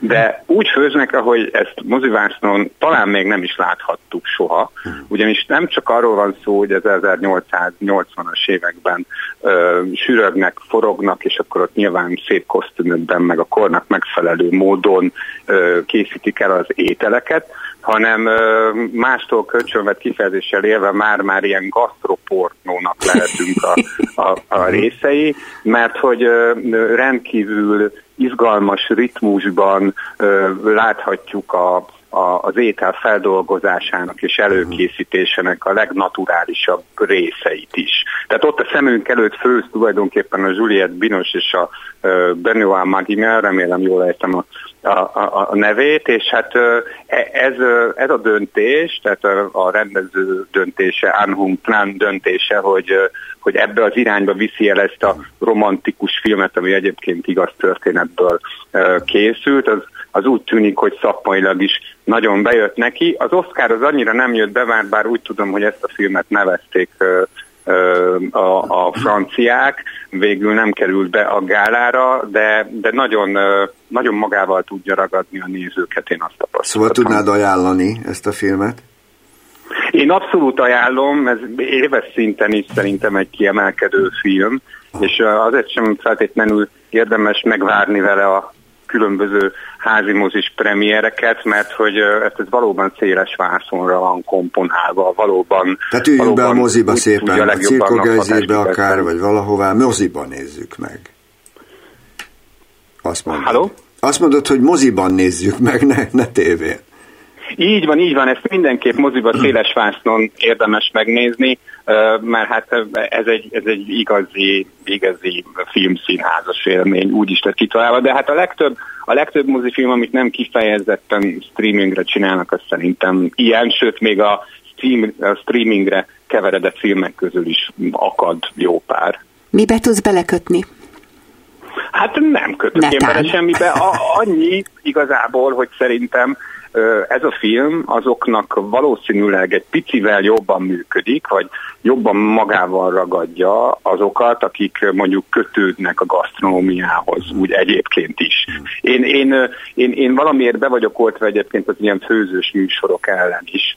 Nem különösebben látok abban élvezetet, hogy azt nézem valaki, hogy egy két D-be tőlem távol, nem tudom én, valamit éppen süt, vagy tölt, vagy, vagy bármit a konyhában csinál, de hát itt plusz esztétikai truvá is van a szenvedély íze esetében, ami szerintem azokat is közel viheti ehhez a filmhez, akik, akik hát nem feltétlenül szakács lelkűek. Hát meg, meg esetleg ott van a, a nagyzabálásból ismert uh, hedonizmus is a kaja környékéről. Igen, igen, abszolút. Itt is uh, szerephez jut egyébként az erotika, nem úgy, meg nem olyan uh, uh, előjelekkel, nem olyan stílusban, mint Ferrari-nél.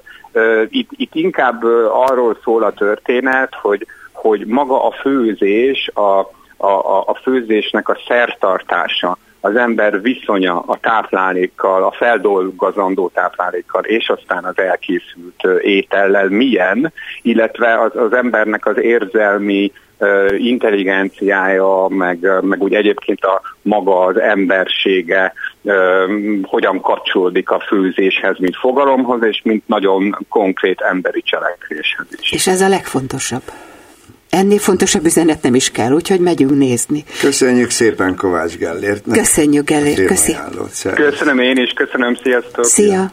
Kedves hallgatók, köszönjük szépen, hogy velünk tartottak, és tegyenek így a jövő héten is, szerdán, az ötösben. Viszont hallásra. Az ötös.